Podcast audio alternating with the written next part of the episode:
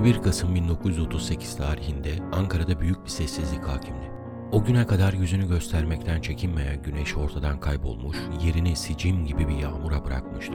Yağmur damlaları ortama hakim sessizlikte kendilerine yer bulmaya çalışıyorlardı. Onlar bile çıt çıkarmıyordu. Sadece halkın gözyaşlarına karışarak matemin bir parçası oluyordu. Bir gün önce başkente ulaşan atanın aziz naaşı için düzenlenecek son merasim adına tüm Ankara 1. Meclis binasının çevresini sarmaya başlamıştı. Kimisinde devletin kurucusunu elden aldığı için ecele dair bir öfke, kiminde şaşkınlık vardı. Bazıları onun yerine beni alsaydı pazarlığı içinde hissediyordu kendini. Onu bu hale koyandan intikam almak da isteyen vardı ama kahir ekseriyet mevcut durumu kabullenmiş, sessizce gözyaşı döküyordu.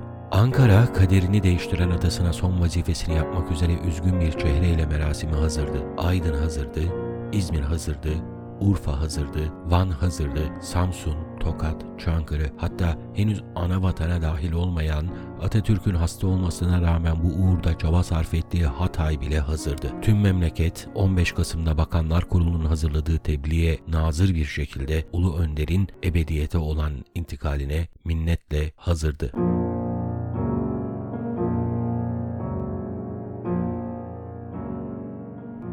Mustafa Kemal Atatürk 10 Kasım 1938 günü uzun bir hastalık dönemi sonrası malum olduğu üzere Dolmabahçe Sarayı'nda saat 9.05'te hayata gözlerini yumdu. Halk durumu önce Dolmabahçe'nin ardından resmi kurumların önündeki gönderlerde bulunan bayrakların yarıya inmesiyle öğrendi. Tarifsiz bir yasa bürünen halk için asıl zor olan bu duruma alışmaktı hastalığı bile ona konduramazken aralarından ayrılması kaldırılamayacak bir yüktü. Ancak henüz 15 yaşındaki Cumhuriyet onun attığı sağlam temellerle bu yükü kaldırmasını da bildi. 10 Kasım'ın öncesinde ve sonrasında yaşananlar onun asıl zaferinin bir temsili gibiydi. Kurumlarını tesis etmiş, fikri hür, vicdanı hür bir devletin yücelmesiydi bu. 1926 suikast teşebbüsünden sonra söylediği gerçek olmuştu.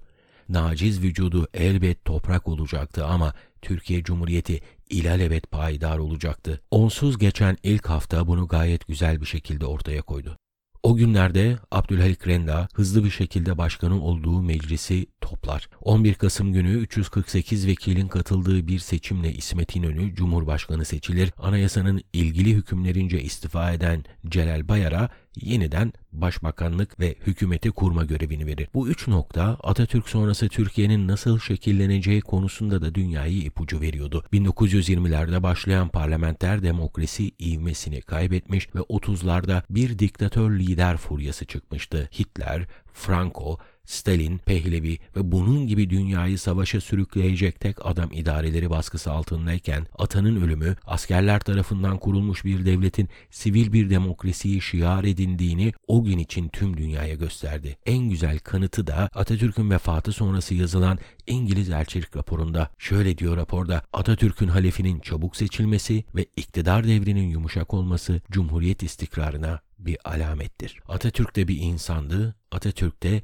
kendisinden önce tarih sahnesinde kendini göstermiş liderlerden farksız bir şekilde dünyaya iz bırakmış önemli insanlardan biriydi ama nihayetinde bir ölümlüydü. Aslında insanlar ona konduramasa da yavaş yavaş kendilerini onun yokluğuna alıştırmışlardı. Türkiye Cumhuriyeti'nin temelleri üzerinde yükselen özgürlük, bağımsızlık fikrinin gayet güzel bir yansımasıydı bu. Aslında hikayeyi biraz daha geriye almakta fayda var. Öncelikle Mustafa Kemal'in o güne gelene kadar hangi badireleri atlattığından şöyle bir bahsedeyim. Mustafa Kemal bir askerdi. Buna bağlı olarak da dünya tarihinin değiştiği bir virajda zorlu savaşlar ve mücadeleleri alt eden bir kuşağın da iyi bir örneğiydi. Sağlam yapılı bir insandı. Genel olarak sıhhatli bir yapısı vardı.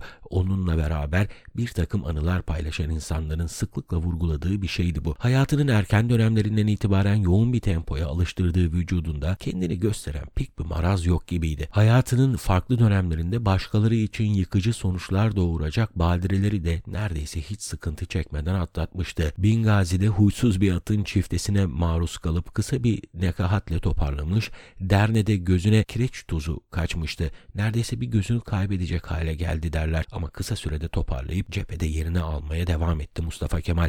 Çanakkale'de bir şarapnelin onu hayattan koparmasına annesinin verdiği saat engel oldu. Sakarya Muharebesi'nde attan düşüp üç kaburga kemiğini kırdı ama devam etti. Sıtma atlatır iki defa böbrekleri iltihaplanır. Üstü de iki de kalp krizi. Bunların hiçbiri kalıcı hasar yaratmazlar ama iz bırakırlar. O ise kaderini elinde tutmak isteyen her muzaffer komutan gibi odaklandığı ülkünün gerçekleşmesi adına bunları hızlıca atlatıp vazife başına dönmek derdindedir. Neredeyse tüm tedavi süreçlerini yarıda bırakır. Onu hayattan koparan meşhum hastalıkta dahi aynı şeyin işe yarayacağını düşünür ama yanılır. Onu hayattan koparacak hastalığın ilk belirtileri daha 1935 yılında kendini göstermeye başlar. Şubat ayında onun bir bilim şurasını andıran Çankaya sofralarından birinde İsmet Paşa ile bir konu hakkında görüştükten sonra hususi bakımından sorumlu birkaç doktordan biri olan Asım Arar'ı köşkün kütüphanesine davet edip kendini muayene ettirir. Bu durumun yersizliğine şaşıran doktor Arar gerekli kontrolleri yapar ve olağan dışı bir durumla karşılaşmaz. Bu olayın ardından halsizliği daha da artar Mustafa Kemal'in bazı ilaçlar ve vitaminlerle bunu ortadan kaldırmaya çalışır. Çoğu zaman da çareyi alkolde bulur. Artık sabahları uyandığında kendini hala yorgun hissettiğini anlatır dönem tanıkları. Rengi solmaya başlamış, saçları gittikçe beyazlamaya başlamıştır. İnişli çıkışlı bu hal 1937 senesi Eylül'üne dek devam eder. Dolmabahçe Sarayı Metal Salonu'nda gerçekleşen tarih kurultayının açılışını yapar ama yine de Dolmabahçe Sarayı'nın harem dairesinde bulunan çalışma odasına yürümeyi çok sevmesine rağmen en fazla 200 metre olan mesafeyi araçla gitmeyi tercih eder. Merdivenden de çıkamamaya başlamıştır artık hem Dolma Bahçe'de hem de Çankaya'da sadece bir kat çıkacak asansörler yaptırılır. Bir gün Florya'daki istirahatinde idrarından kan gelir. Burun kanamaları şiddetlenir hem de kolaylıkla dinmeyeninden bedeninde kızarıklıklar görünmeye başlar. 57 senelik bir mücadelede gittikçe yıpranan sağlıklı ve sağlam olsa da yıpranan bir beden ciddi sinyaller vermektedir. Maalesef düzgün okunamaz bu sinyaller. 1922 yılında Millet Meclisi'ne sıradan bir katip olarak görev yapmaya başlar Hasan Rıza Soyak. Bu görevi sırasında oldukça yakın bir mesai gerçekleştirir Mustafa Kemal'le. Cumhuriyet ilan edildikten sonra Çankaya Köşkü'ne önce muhtemet sonra kalem müdürü olur. Nihayetinde Cumhurbaşkanlığı Genel Sekreteri görevine gelen Soyak son ana kadar Atatürk'ün en yakınındaki isim olmuştur. Hatta bürokratik bir görevden ziyade atanın sırdaşıdır desek de yeridir. Ondan günümüze kalan en önemli eser görevi sırasında tuttuğu notlardır. Onun sayesinde biz bugün tarih kitaplarında gördüğümüz ulu önderden çok sıradan insanlardan farkı olmayan Mustafa Kemal'i öğreniyoruz. Gizlice Çankaya Köşkü'nden kaçıp Suud özündeki çiftçilerle çay kahve sohbeti eden, Dolmabahçe'nin önünden geçen bir taksiyi durdurup Sarıyer'deki balıkçılarla çilingir sofrasına çöken zıpır, içi içine sığmayan, insanla beslenen, güçten ve merasimlerden tiksinen bir Atatürk'ü tanıyoruz ve biraz da ayıflanıyoruz. En azından kendi adıma öyle söyleyebilirim. Bazı anekdotları okurken ah orada olaydım da atama şunları diyeydim demeden geçmiyorum. Soyak işte bu hatıralarının bir yerinde baş ağrısından şikayet eden Atatürk'e fazlaca içmemesini tavsiye eder. Bu arada Soyak bu konuda ilk değildir. Kendisinden önce Cumhurbaşkanlığı Genel Sekreteri görevinde bulunan Hikmet Bayur da bu uyarıları sıklıkla kendisine yapar. Atatürk bir görevlendirme ile Bayur'u Kabil'e büyükelçi atar. Çok dillendirilmez ama bu görevlendirmenin arkasında da Bayur'un ataya olan anti alkol propagandası gibi bir dedikodu dolanır. Biz Hasan Rıza Soyak'a dönelim. Hasan Rıza Soyak'ın bu ikazı üzerine bir parça öfkeli ve sitemkar bir şekilde Atatürk şu cevabı verir. Haklısın. Bunları ben de bilmez değilim çocuk. Fakat ne yapayım ki içmeye mecburum.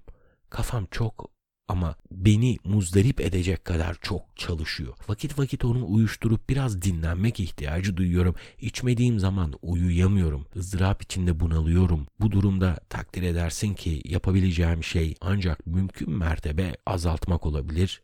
Söz buna çalışacağım. Atatürk kendini böyle avutuyordu. Belki de avutmak değil de bir yardım çığlığıydı bu. Hayatı boyunca kalabalıklar arasında yalnız kalmış bir adamın çığlığıydı. Belki de bu yüzden arada kaçıp kendine sahip olduğu payelere ehemmiyet vermeyen insanların arasında soğuğu alıyordu. Atatürk uyuyamıyordu. Daha doğrusu uyumuyordu. Hayatının her döneminde yakınındaki herkes bu özelliğini sıklıkla vurgular. Soyak onun için 24 ila 34 saatlik çalışma mesailerinden bahseder. Cephede, mecliste, yurt gezileri gözlerinde yani vatan için yani onun hayatının anlamı olan en değerli şeyler mevzu bahis olduğunda ata uyumuyordu. Bu durumu yaverlerinden Cevat Abbas Gürer'e şöyle anlatıyor. Hayat pek kısa. Çocukluk ve mektep hayatının bir kısmını alıp götürüyor. Geriye kalanı da uyku. Yarı yarıya indiriyor diyelim. Uykusuzluğu giderecek ve bedene gerekli dinlenme gıdası verecek takviye ilaçlar icat olsa ne iyi olurdu. Falih Rıfkı Atay ondaki asıl halsizliği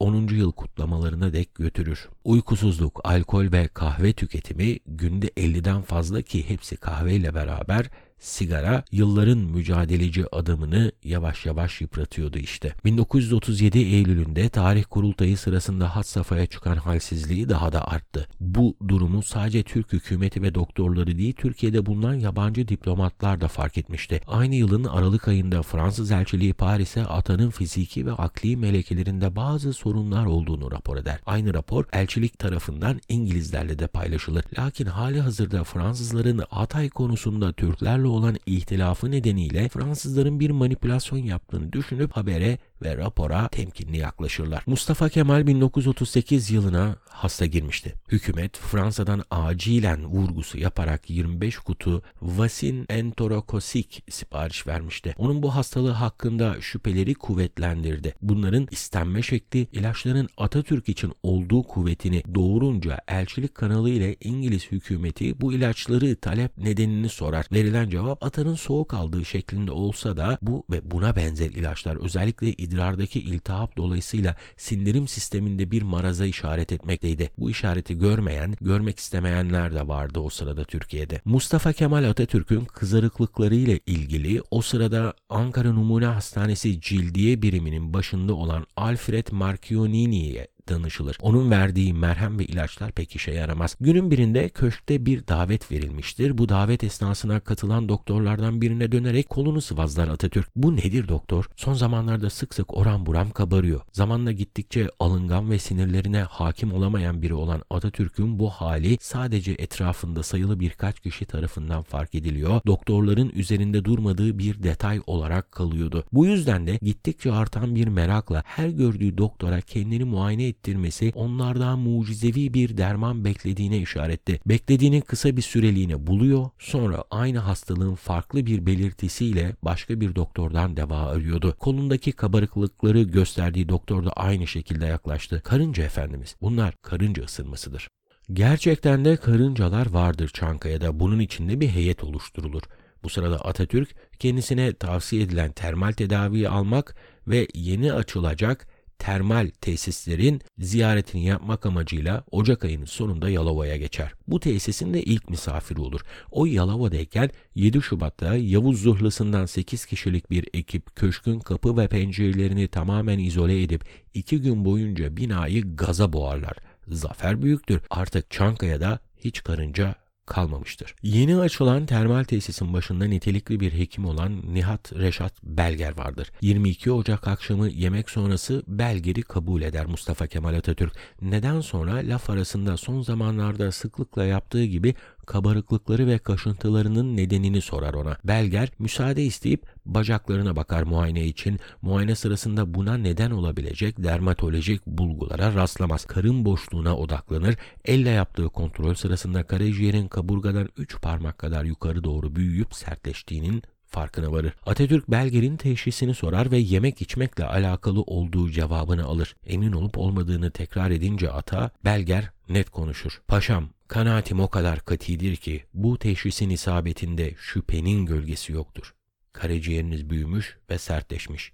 İşte kaşıntının sebebi budur. O güne kadar karınca masallarıyla uyutulan Atatürk gerçeğin soğuk yüzüyle karşılaşmıştı.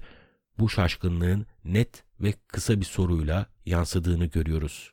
Peki doktor, şimdi ne yapacağız? Kendisine istirahat ve perhis tavsiye eder Belger. Ertesi gün hususi doktorlarından Neşet Ömer İlderp Ankara'dan Yalova'ya çağrılır. Onun da kanaati aynı yöndedir. Mustafa Kemal Atatürk sirozdur. Teşhis ve tedavi işe yarar görünür ilk başta. Paşanın iştahı açılır, kaşıntı ve kabarıklıkları geçer. Rengi yerine gelir. Belger ve İrdelp ikilisinin kendisine 3 haftalık bir istirahat vermesine rağmen ata rahat durmaz. Daha önceki arazları gibi zanneder bu durumu da. 12 gün kaldıktan sonra tüm tavsiyelere rağmen Bursa'ya gider. 1935 yılında temeli atılan ve Cumhuriyet'in en önemli kazanımlarından biri olup 2004 yılında özelleştirilen birkaç yıl sonra da meçhul bir şekilde yanan adını bizzat koyduğu Merinos fabrikasının açılışı vardır, erteleyemez. Açılış sonrası kendi adına düzenlenen baloya katılır. Sabah dörde kadar vals yapar, zeybek oynar. Bu bir meydan okumadır aslında. O güne dek aldığı en ciddi uyarı karşısında ölümden korktuğu halde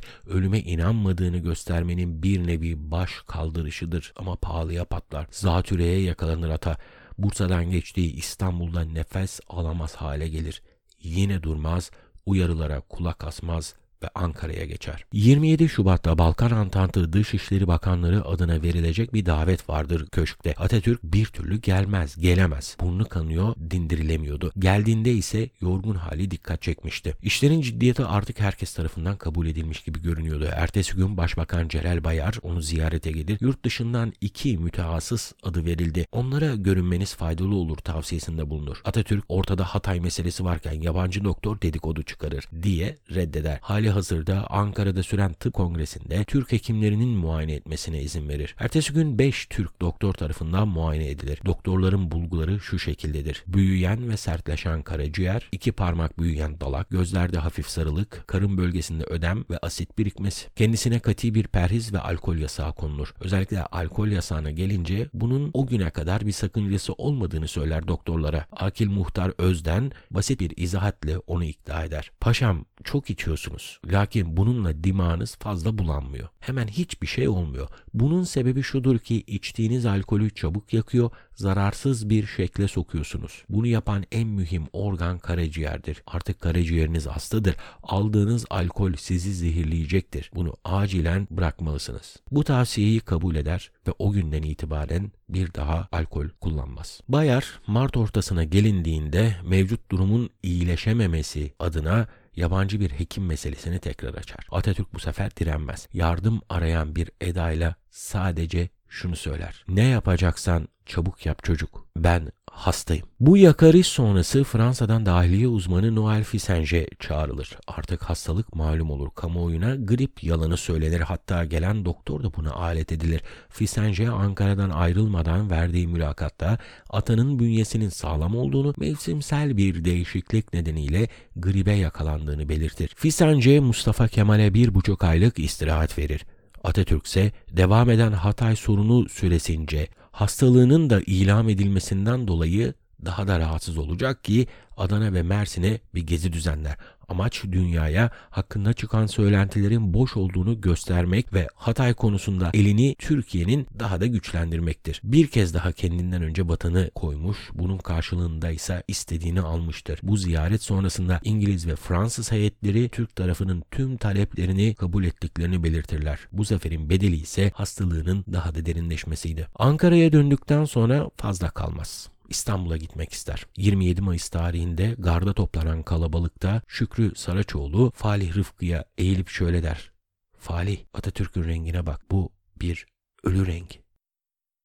8 Kasım'da Fisenge bir kez daha gelir. Yaptığı muayene sonrasında ona refakat eden İçişleri Bakanı Şükrü Kaya şunu sorar net bir şekilde. Doktor ben İçişleri Bakanıyım. Mesleğinizden değilim o yüzden anlayamam.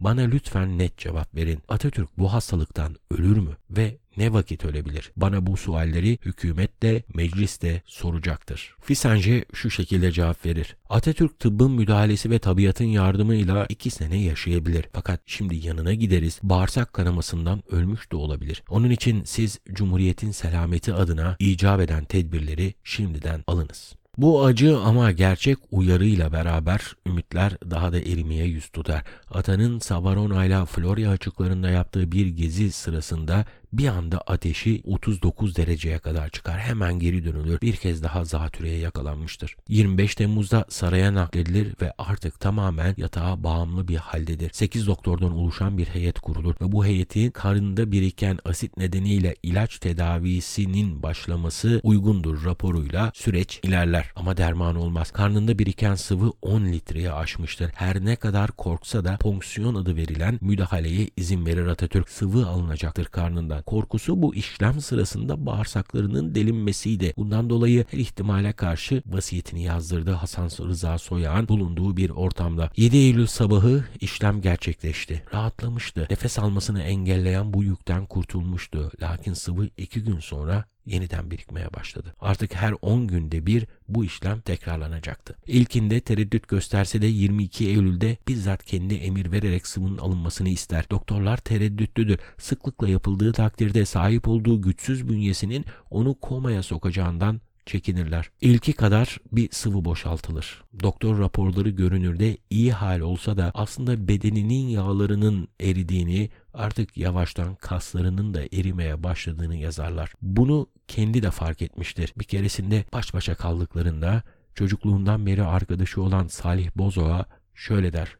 Salih ben büsbütün başka bir adam oldum. Hiç hafızam kalmadı. Değiştim. Artık o eski adam değilim. Son bir ayına girerken herkesin aklındaki düşüncenin gerçekleşmesi sadece bir an meselesiydi. İlk koması 16 Ekim'de 3 gün süreyle gerçekleşti. 20 Ekim'de kendine geldiğinde Ankara'ya gitme isteğini tekrarladı. 15. yıl kutlamalarına Ankara'da katılmak istiyordu. En baştan beri gerçekleri tüm çıplaklığıyla çekinmeden söyleme cesaretine muktedir tek adam Nihat Reşat Belger acı tabloyu dillendirir ilk defa. En fazla 20 günlük bir ömrü vardır. Dolmabahçe Sarayı'ndaki odasına hapsolmuş kaderini bekleyen Atatürk için şartlar daha da zorlaşmıştı. Karnındaki sıvı büyük bir hızla yeniden birikiyordu. Alınmasını emretti bir kez daha. Doktorlardan Mim Kemal Öke kalbin güçlenmesi lazımdır dese de dinletemez. Niye tereddüt ediyorsun doktor?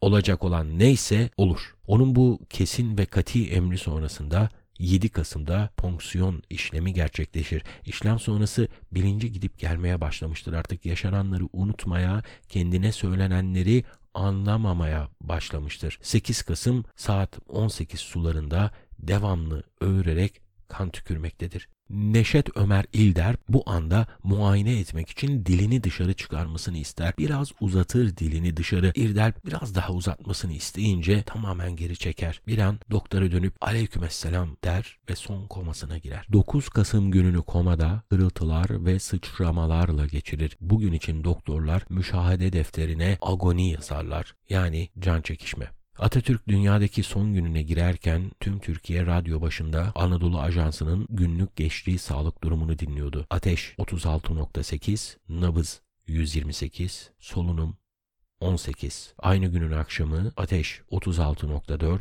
nabız 100, solunum 22. 10 Kasım sabahı saat 8. Rengi tamamen solmuştu. Onun bu halini gören Cumhurbaşkanlığı Genel Sekreteri Hasan Rıza Soyak silah arkadaşı Kılıç Ali'ye şöyle dedi. Kılıç bak bir tarih göçü. Saat 9.05'te gözlerini bir anda açıp anlık sert bir hareketle başını sağa çevirir. Hasan Rıza Soyak'a göre bu onun aşkla bağlı olduğu aziz milletine askerce bir selamıydı. Ruhu şad olsun.